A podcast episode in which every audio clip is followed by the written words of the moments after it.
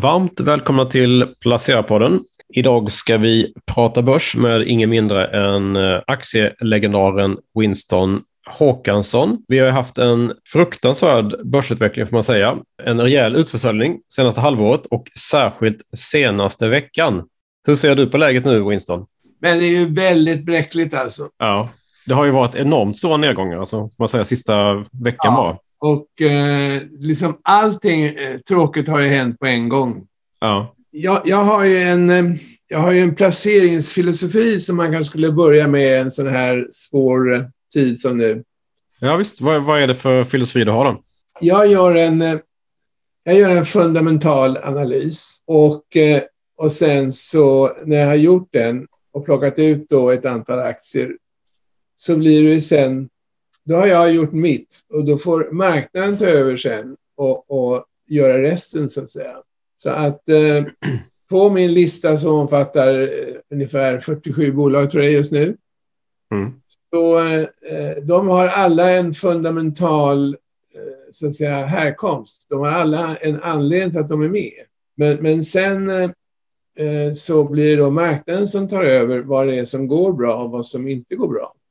Det är min, eh, det är min modell så att säga. Och, eh, och det bygger då på att eh, ingen vet allting.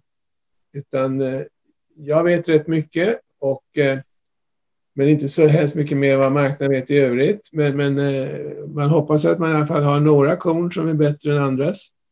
Mm. Och sen så blir det ju börsen som får styra så att säga om man nu ska öka eller inte.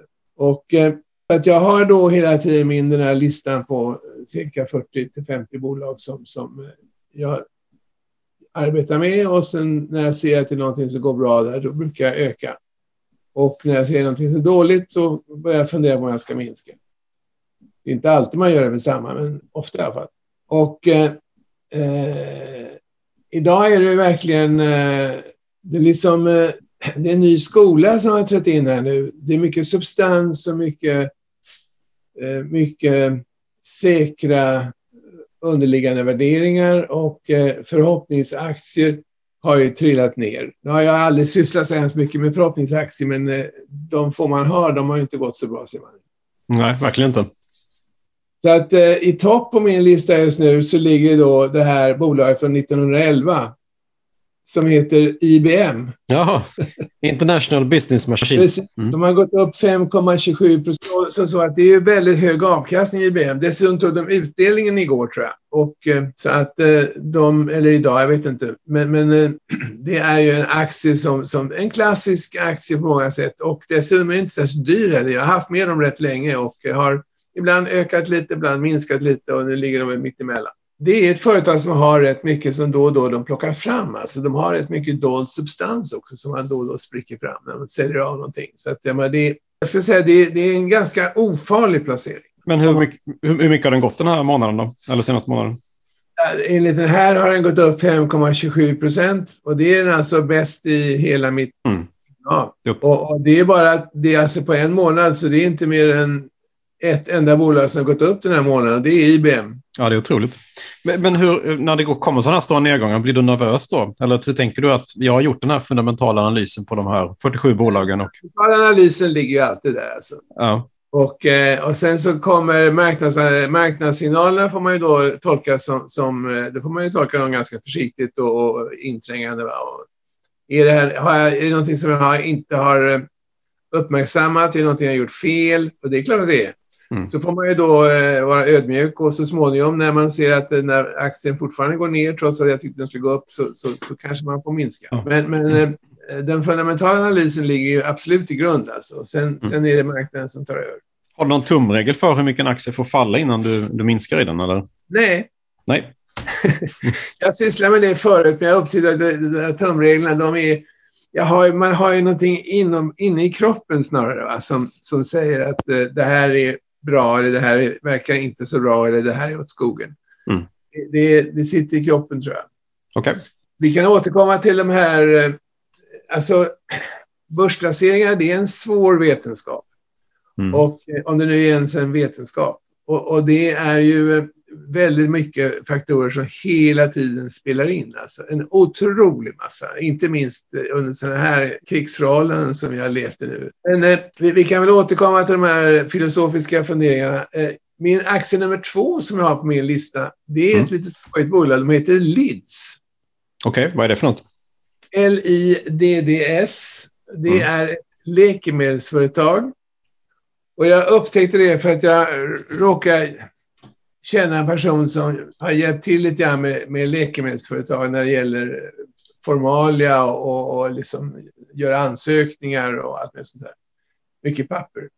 Och eh, vi brukar ses någon gång då och då. Vi pratar lite grann och eh, då i alla fall så plötsligt såg jag att eh, Max Mittregger hade gått in i det här bolaget tillsammans med sin kompanjon Johan Lund. Max Mittregger är ju en rätt känd eh, Hedgeförvaltare va? Från Carnegie och, och, och han har varit gladiator av han skött va? Just det. Mm. Med stor framgång skulle jag säga. Mm, från, från och till va? Ja, ja, från och till. Det är alltid från och till. det är alltid från och till. Mm. och eh, Johan Lund är ju läkare och, och, han har jobbat mycket med Astra och Pfizer och, och, och eh, en del andra bolag.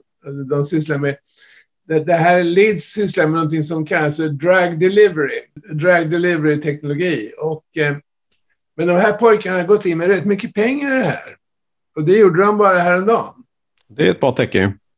Ja, det är ett väldigt bra tecken. Och, eh, så att eh, jag köpte lite sådana här aktier och eh, ja, de ligger på plats nummer två just nu. Men de är ändå ner 6,62 procent den här veckan. Så att det är ju mm. det är ingen dans på rosor. Men, men mm idag är de ner också, men, men eh, det, är, eh, det är så.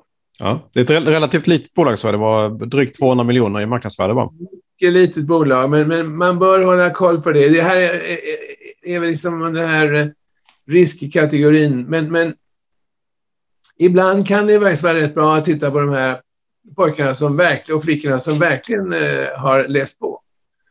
Så att eh, de är på plats nummer två. Sen kommer faktiskt Mercedes-Benz som plats nummer tre och det är också en sån här eh, gammal blue chip. Mm. Jag har inga direkta nyheter om dem mer än en och det är att tydligen så har de i dagarna nu gått ut och sagt att de tror att till halvårsskiftet så kommer halvledarbristen att uh, försvinna. Mm. Just det. Och det är ju rätt intressant, verkligen. Och sen är det också att det, det är ju en väldigt stark efterfrågan på, på bilar generellt. Så att, verkligen. Mm.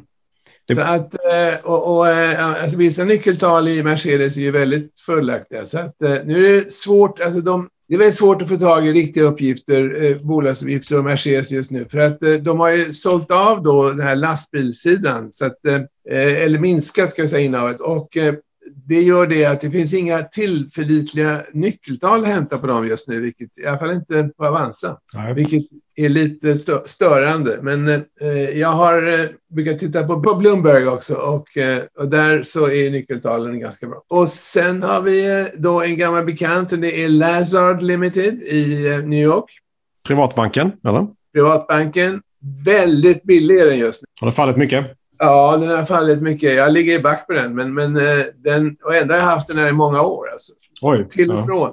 Jag har haft den i, i många år, men, men eh, den har gått ner. Men, men eh, jag tror att, jag är helt övertygad om att den kommer att gå upp igen. De lever på två saker. Det ena är mergers and acquisitions och det har väl varit kanske lite lugnare med det just nu, men, men inte så mycket lugnare.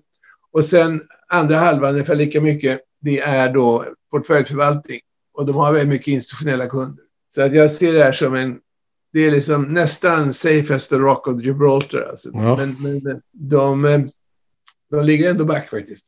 Mm. Den är 25 procent i år så. Ja, alltså du vet, det är ju typ av aktie så att säga. Kan bli eh, en, en bra placering. Eh, avkastningen är liksom, nu vet jag inte, jag tror att den är någonstans närmar sig 5 procent, 4,5-5 procent. Och eh, det är ju eh, inte så. Det är inte så dumt. Nej. Nästa aktie är CTT Systems. Det är också en gammal bekanting. Luftfuktning, flygplan. Luftfuktning, precis. Airbus, Airbus hade en jättestark rapport. Borde väl vara lovande ja. för ett sådant bolag. Absolut, och, och det, de lever mycket på de här stora flygplanstillverkarna. Så att, eh, därför så, så eh, spiller det över på klockaren så att säga och, eh, så att de får vara kvar. Sen har jag ett företag som jag har gått och varit väldigt tveksam till ibland. Det heter Anora Group. Det är, det är ett finsk-norskt företag som de är noterade på, på Helsingforsbörsen och de, eh, de säljer eh, OP Andersson bland annat och eh, en del väldigt kända spritdrycker i både Finland och Norge. Med en mycket god avkastning. Men jag har varit tveksam till dem länge, men, men avkastningen har gjort jag har behållit dem i alla fall. Och just nu är de upp. Drygt, drygt 5 procent i direktavkastning. Ja. ja, visst. Det, det, är ju så med finska aktier överhuvudtaget kan man säga, de stora någorlunda välkända bolagen, att de har en väldigt god avkastning. Och eh, det kan ju vara bra att ha nu. En bra krockkudde i sådana här tider. Ja, alltså man måste ju faktiskt ha en del avkastning. Det är inte, sen kan man tillämpa, tillåta sig någon enstaka sån här leads eller något sånt där, men, men inte för många. Eh, sen har jag då ett annat företag som jag är väldigt förtjust i som heter Jara International. Jara är med Y som är Yngve. Mm. Norskt företag och eh, med, som kommer alltså från eh, ursprungligen från Norsk Hydrogruppen. Mm. Konst, konstgödsel va? Och de sysslar med konstgödsel, precis. Du vet ju min, favor, min, min, min fäbless för, för eh, jordbruks... Eh, ja, just det. Mm. Underliggande jordbrukstillverkare. Och eh, Jara är ju jättestora i världen. Ja. Och, eh, och det är också en mycket högavkastande företag. Ja, över 6 procent i direktavkastning ser jag här. Ja, och de, de kom med ett eh, ganska ett överraskande dåligt bokslut för förra året. Jag tror jag pratade om det förut. Eh, och eh, det berodde på att de var tvungna att skriva ner några, några gruvfyndigheter de hade som de hade haft länge och plötsligt så hade deras revisorer sagt åt dem att de måste skriva ner det här. Och det var ganska mycket, det var ett par hundra miljoner dollar. Och eh, så det där blev ju en, en svår avbränning, men det var liksom ingenting som hade med den löpande verksamheten att göra, utan det var bara en, en gammal synd så att säga som låg där och hängde. Jag förstår. Och, men då tog de samtidigt, för att markera då, så gick bolagsledningen ut samma dag som de kom med den här negativa så att säga, revisorspåhoppet så, så höjde de utdelningen drastiskt bara för att markera att de, de, det var inget fel på bolaget utan det här var bara en redovisningsfråga. Mm, jag ser att de har höjt från 20, 20 kronor va, till 30 kronor, norska kronor. Mm. Just det, någonting sånt var det. Mm. Så att eh, göra international skulle jag säga, det är något man kan eh, rekommendera änkor och faderslösa. Oj då. Mm.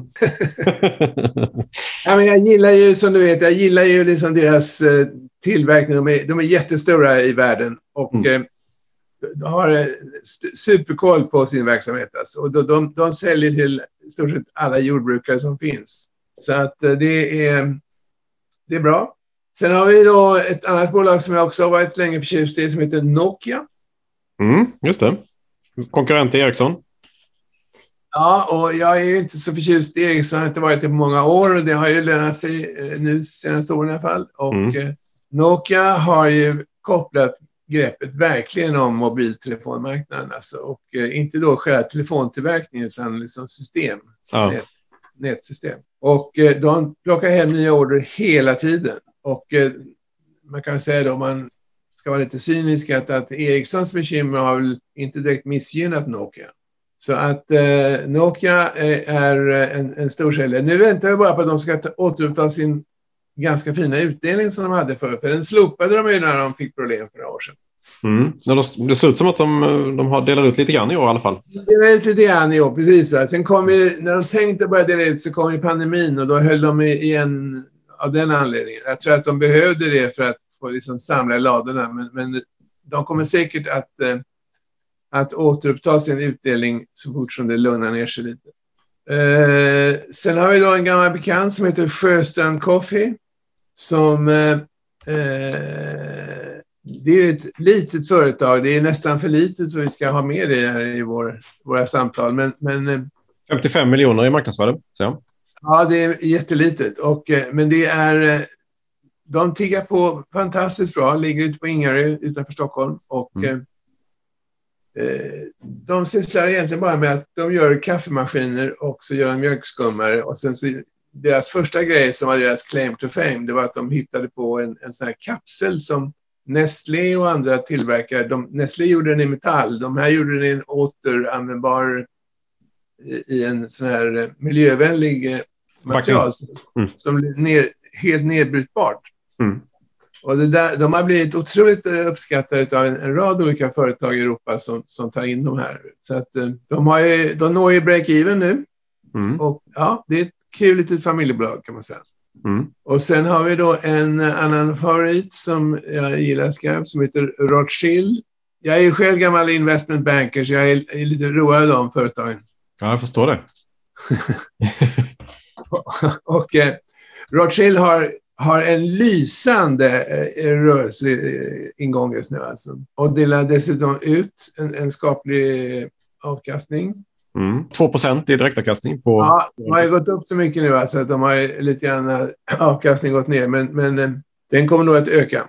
Ja, det där är väl, vad ska jag se hur många det här är? En, två, tre, fyra, fem, sex, sju, åtta. Ja, det var de tio största bolagen. Mm. Vilka är det som har gått sämst då? Ja, du undrar de sämsta aktierna. Det är alltid intressant. Och eh, då kan jag säga att ett av mina gamla favoritbolag ligger klart sist. Och det är Bure Equity. Ja, den har tappat jättemycket. Va? Det är för att de äger Vitrolife. Va? Det är väl bland annat det. Men jag tror inte det kan vara hela orsaken för Vitrolife. Okej, okay, de har också gått ner, men, men eh, ja, det är, det är säkert en stor del. Det är det nog. Vitrolife är dock upp idag igen, ser jag. Mm. Jag tänkte säga ett annat bolag som ligger i botten som jag gillar väldigt mycket och, och som är relativt nytt för mig, eller nygammalt ska jag säga, det är EQT. Ja, du har köpt den. Mm, för du pratade om att köpa den förra gången, minns jag. Ja, jag har varit och småsugit på dem. Jag, köpte lite grann och så har jag legat och ökat på här nu under det här. När, när, när de har ju fallit rätt mycket. De, de är väl nästan nere i 200 spänn någonting. Ja, 245 just nu. Ja, okej, okay, men de är uppe idag då? Upp lite idag. Mm. Men de var uppe i över 500. Exakt. Mm. Så att eh, de har gått ner rätt kraftigt. Ja, det var en rejäl nedgång. De kom ut på 75 kronor minns jag. Det är inte så länge sedan. Kan det vara en tre, fyra år sedan? Ja, det var i september 2019 var det. Ja. Och jag kommer ihåg att vi pratade om det där liksom, och jag sa det att jag är övertygad om att det kommer gå bra för EQT för att eh, de killarna som sitter bakom EQT, de kommer aldrig eh, liksom, låta en sån där börsintroduktion eh, inte gå bra. Det, det är deras, liksom, någonting de kan, så det är det. Ja, prestige. Den gick ju bra också. Absolut. Mm. Och, eh, men nu, nu tycker jag, jag förstår inte varför de har gått ner så mycket. Det förstår jag, för alla sådana här high flyers, de, de, de backar ju när börsen går dåligt. Men, men jag tror att om man ska komma någon någon rolig ny idé här för, för det här samtalet så skulle jag säga EQT är absolut en av mina eh, köpfavoriter just nu. Okay. Mm. Intressant. Och, och, det beror ju på att de har ett sånt fantastiskt record och eh, det finns väldigt många stora institutioner, de lever ju på institutionerna. Eh, det finns många stora institutioner som, som eh, vill placera pengar. Allt ifrån Investor till eh, lilla försäkringsbolaget hit och dit. Så det är ju deras, eh, det är ju deras eh, kunstock. De har väl också varit lite försiktiga nu ett tag och sen, sen, så kommer det till en gräns då man tycker att det här är för billigt. Och där har jag, tror jag nog att vi har kommit redan. Även om börsuppgången idag säkert kommer att förbytas med flera hemskheter. Menar, vi har att göra med en galning i Moskva så det, det är väldigt svårt att förutsäga vad som ska hända. Men eh, där har i alla fall en aktie, om vi tar det nerifrån. Så EQT ligger liksom på näst sista plats i, i den här eh, portföljen. Mm. Uh, när det gäller, då ska jag säga när det gäller eh, på en månads uh, nivån. För det är alltid den jag har som min rättesnöre. Det är utvecklingen på en månad. Och där ligger också Vitrolife på tredje plats bakifrån, apropå Bure. Just det. Så att uh, det har ju... Sen finns det en annan aktie där i bottenträsket som förtjänar en kommentar och den kommer Karl Lantz att få eh, stå till svars för. Du frågade mig för ett tag sedan, har du inga guldaktier? Mm, just det. Mm. Nej, så och, och, jag angav som anledning till det att jag liksom lite grann, dels så var de lite för dyra tyckte jag, men sen så, jag är en gammal guldbag liksom, men, men eh, guld, det ska man inte köpa när man tror att räntorna går upp. Guld ska man köpa när, när det går dåligt för, liksom, för, går, går dåligt för marknaden, när, när, när företagen inte klarar sig bra, när det är liksom dystra tider. Va? Mm. Men när man väntar att räntorna går upp, då, då, gillar inte, då är det ingen uh, rush in i guldaktier. Nej, precis. Mm. Och, eh, eh, men jag tänkte när jag pratade med dig att jag kanske ska köpa lite guld i alla fall. Mm. Så att jag gick igenom alla guldaktier, som jag, alla, alla, men i alla fall en 10-12 av dem som är stora och internationella, inga svenska såna här förhoppningsaktier utan de som verkligen har produktion. Och då kom jag fram till Goldfields som var min, den minst dåliga. Så. Men det har inte varit något kan jag säga. Nej, det har inte hjälpt. Nej, den har, den har gått upp eh, på tre månader, gått upp 7,93 procent. Det är väl okej. Okay. Mm. På sex månader har den gått upp 18 procent, så det är rätt bra. Det är väl lite grann också att uh, den amerikanska dollarn har ju stärkts väldigt mycket då på grund av Feds räntehöjningar precis, ja, som slår mot guldet ja, i sig. Jo, mm. absolut, och det syns mm. ju inte här utan uh, det här är ju liksom, den här statistiken är ju, är ju uh, valutaneutral. Men, men uh, så om man nu vill köpa guld så är nog Goldfields en av de bästa bolagen. Men det finns ju flera stycken som är ganska lika bra. Alltså. Jag är inte säker på att man ska ha guld precis just nu. Nej, det är väl lite om... Eh, det beror väl lite på, på inflationsutvecklingen och hur, vad Fed gör. Ja, och, och därmed mm. ränteutvecklingen. Alltså, och, och, så länge som man nu har... Det känns ändå som vi är nu i ett läge där räntorna kommer fortsätta upp. Det är rimligt. Mm. Det, det, det, tror jag man kan säga ganska säkert. Och eh, och då tror jag inte att guld står högst på listan. Alltså. Det kan vara en rolig gardering, men, men det är inte någonting så som jag tycker känns eh, jättebra. Nej. Det, det är fel timing för guld just nu. Alltså. Vad har du med på bottenlistan då? Sen har jag det här gamla fina bolaget Nolato som har trillat ner också. Plast, plasttillverkaren? Eh, Man kan säga att Nolato är underleverantör till en rad olika industriföretag. Alltifrån telekom till medicin till eh, alltså bilar, telekom, medicin kan man säga. Det, det, är de tre huvudbranscherna som de lever på. Mm. Och, eh, och jag vet inte riktigt varför Nolata har fått eh, lite stryk här. De är upp idag i och för sig, men, men eh, det är ju allting. Ja, det blir ner nästan 50 procent i år. Ja. Och, och eh, det kan ha varit så att det var någon stor ägare som låg och köpte aktier där. Inga namn, men det investmentbolag som har legat och köpt där. Mm. Jag ser att det är insiderköp nu också, här i början av maj, av vd. Ja, det är väl bra i och för sig. Det är bra tecken. Ja.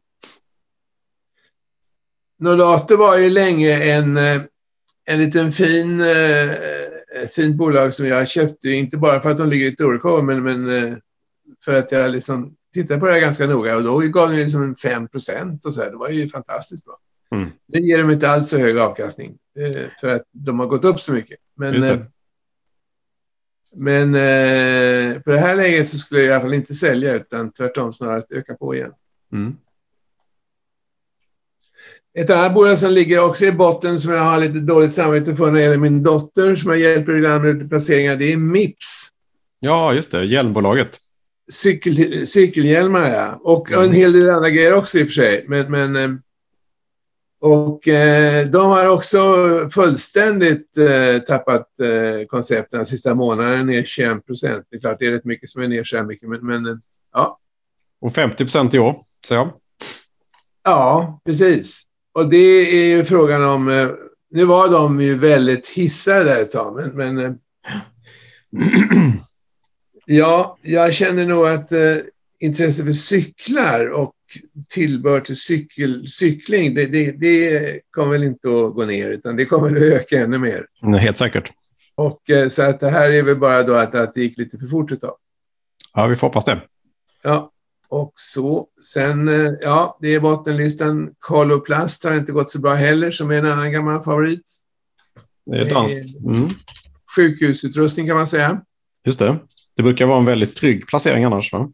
Ja, det är en väldigt trygg placering, men den är också ganska dyr kan man ju säga. Alltså, danskarna är, några av de här stora danska företagen, de är jäkligt dyra. Mm. Korvplast är en av dem, så eh, det är klart, i en, i en lite svagare marknad så, så får de stryk. Mm. Och så, det gäller även Ratos som jag tycker eh, också är ett bolag jag gillar skarpt. Mm. De har inte heller gått så bra sista tiden och inte heller Investor. Så att eh, många säkra företag har, har fått stryk här nu. Vad ska hända här nu då? Det är ju väldigt avgörande för börsen de här närmaste veckorna, månaderna. Det, Ja, ska det fortsätta ner, tror du? Man säger så här att konflikten som, som Putin har dragit igång, den känns ju inte som att den kommer att sluta på ett bra tag. Även om eh, det har nog gått ganska dåligt för honom, men, men eh, jag tror inte att det är en kille som slänger in handduken i första handen, utan han kommer nog att fortsätta att ställa till det. Och, eh, och västmakterna gör ju allting nu utom skicka in soldater, men de skickar in jättemycket krigsutrustning. Och, och så att jag tror att Ukraina har nog god chans att klara det här. Mm. Men Frågan är vad som händer med Putin, för han, så länge han finns kvar där så kommer det vara en, en orosfaktor. Och det, jag ser inte på kort sikt att, att han kommer försvinna därifrån. Nej. Och han verkar ha ett väldigt starkt stöd eh, internt och i hemmamarknaden där liksom 80 procent har sagt att de stöder Putin och så här. Det, det är klart att det kan ändra sig, men, men eh, och man vet ju inte vad det är som är sanning och inte. Men, men ja, kort sagt, det känns som att han kommer finnas kvar ett tag. Mm. Och det är inget bra för marknaden. Och, eh, och sen kommer ju då mm. räntorna mm. kanske inte gå upp så himla mycket mer, men eh, det kommer dröja ett bra tag innan de liksom skakar ner igen tror jag. Och eh, så att därför så känns det ju liksom inte så här som, det är inte som eh, prosperity around the corner precis, utan det är väl akut kris kanske har lugnat ner sig, men, men eh, och, och börskurserna kanske hämtar sig lite grann. Men, men det, de fundamentala faktorerna känns ju inte så här jättekul när det gäller det internationella läget. Det är inte särskilt stabilt. Alltså. Däremot så går det ju rätt bra för många företag. Ja, det är, rapporterna här, Q1 har ju varit generellt väldigt bra. Liksom. Ja, väldigt bra. Mm. Och, eh, och det är väldigt skönt. Och, eh, och nu är, kan man hoppas att det inte blir någon, eh, några nya sådana här pandemiåterverkningar som sätter stopp för utdelningshöjningar utan man kan liksom börja köra på med utdelningar. Det vore ju väldigt bra. Det vore helt avgörande skulle jag säga. Men en eh, diversifierad portfölj är nog väldigt viktigt. Så man alltid har någonting att glädja sig åt och så har man någonting man helst vill glömma bort. Du, du äger inte Bayer förresten?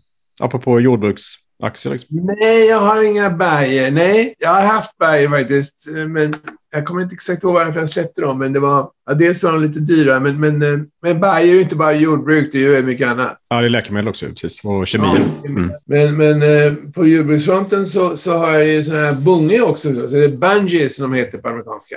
Just det. Och, eh, de har ju gått skapligt faktiskt. Jag ser, de har vi där på plats nummer, eh, kan det vara, 14-15 någonting. Mm. Och eh, på tre månader har de gått upp 8,96 procent. Mm. Det är samma liga som Novo Nordisk som är också ett, för, ett företag som jag fortfarande gillar skarpt. Och, eh, Bank of New York ligger där också. Axfood mm. har legat och varit i topp, men de har droppat ner lite grann för de kom ju med en lite oväntad eh, nyemissions, eh, ett nyemissionsbeslut. Jag vet inte om du har sett det? Jo, absolut.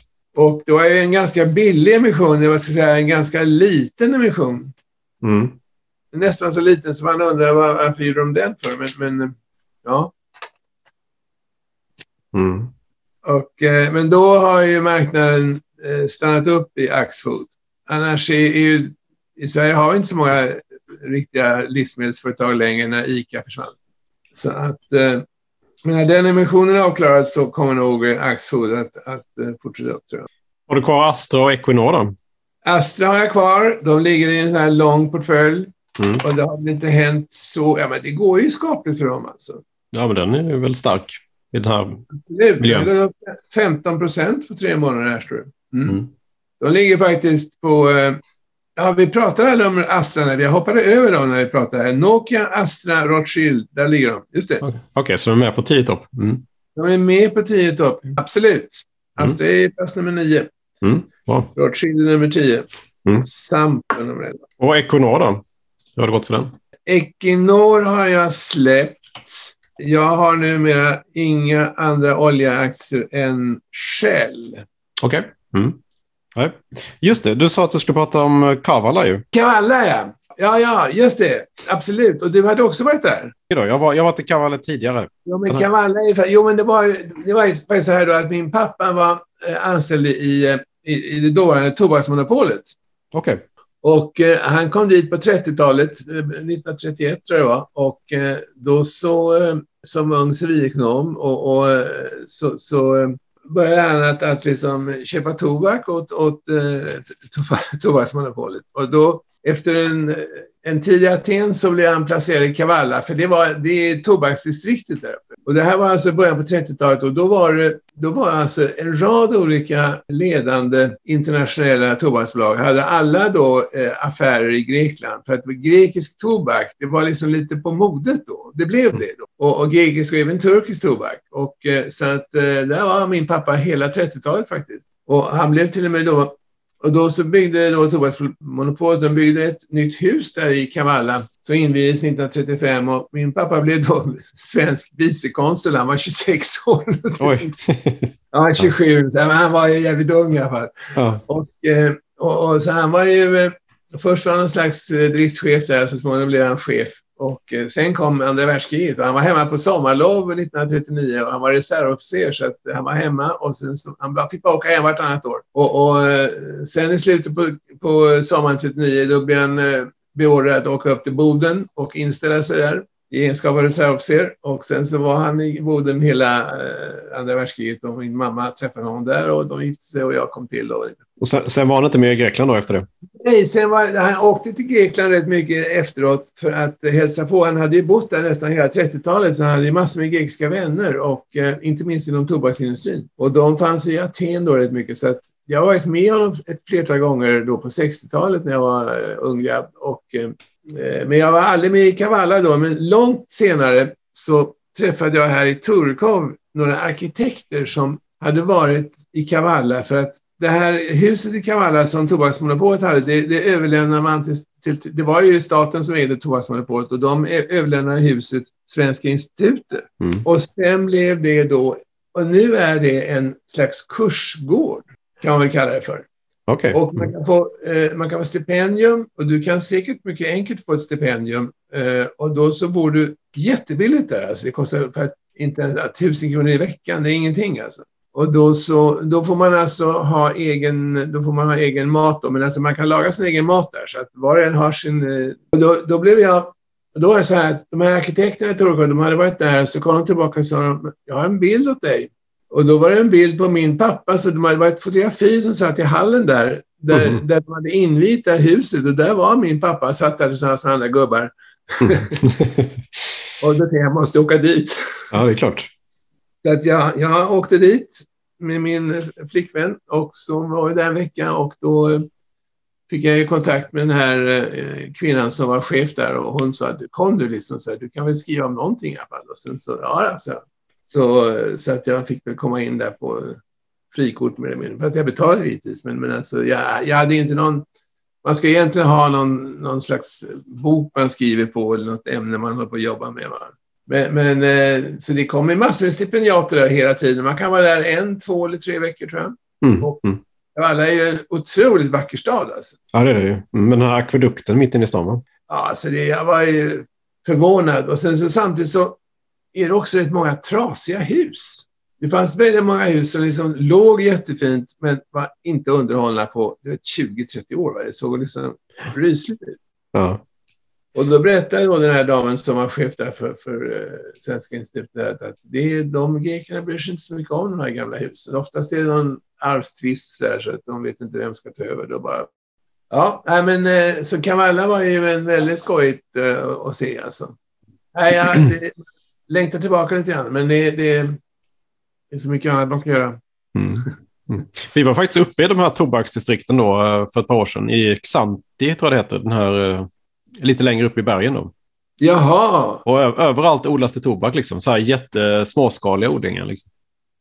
Men jag förstår det. Och, och alltså, men alltså, vad som hände då på 30-talet, eller 20-talet kanske redan, men 30-talet, att, att intresset för orientalisk tobak ökade väldigt mycket över hela världen. Och eh, jag kommer så väl ihåg, eh, min mamma hade en väninna, hon rökte någon, eh, en, en cigarett som hette Istanbul, tror jag. Mm. Och eh, när jag kom hem från skolan då så kände jag, åh, tant Ulla är här. För att då, så känner man den här väldigt stickande doften av turkisk tobak. Alltså den tobaken anses väl inte vara så, så, det är inte den högsta kvaliteten liksom? Nej, antagligen inte. För att jag menar, eh, vad som hände var att, att under kriget så, så tyskarna kom ju till Grekland och, och eh, tobaksbolaget, eh, tobaksmonopolet, de, de stängde där, sitt hus där och, eh, och sen försökte de, hade de någon vaktmästare som försökte liksom upprätthålla någon slags ordning där. Och eh, sen efter kriget så drog de igång igen. Men då hade intresse för orientalisk tobak, alltså grekisk och turkisk och kanske någon mer där. Det Mm. hade minskat då, sen har det minskat ännu mer så att då när vi kom in på 60-talet någon gång, då bestämde sig Tobaksbolaget för att eh, vi, eh, vi stänger den här verksamheten för det, det, vi har inget intresse av den här tobaken längre. Och, Mm. eh, och det var då de skänkte huset till Svenska institutet. Ja, vad intressant. Ja, nej, det är rätt kul faktiskt. Ja, men de har väl alltid eh, de har lite koll på vad, vad de här konkurrenterna gör. Jag har ingen aning om vad de har för, men de har inte någon Londonbörs i alla fall tror jag. Nej, jag tror inte någon har det faktiskt. Mm. Okej, Ja, men tack så jättemycket för din tid då. tack Så, själv för att eh, du ville fråga. Så hörs vi snart. Det gör vi. Mm. Bra. Hej. Hej, hej.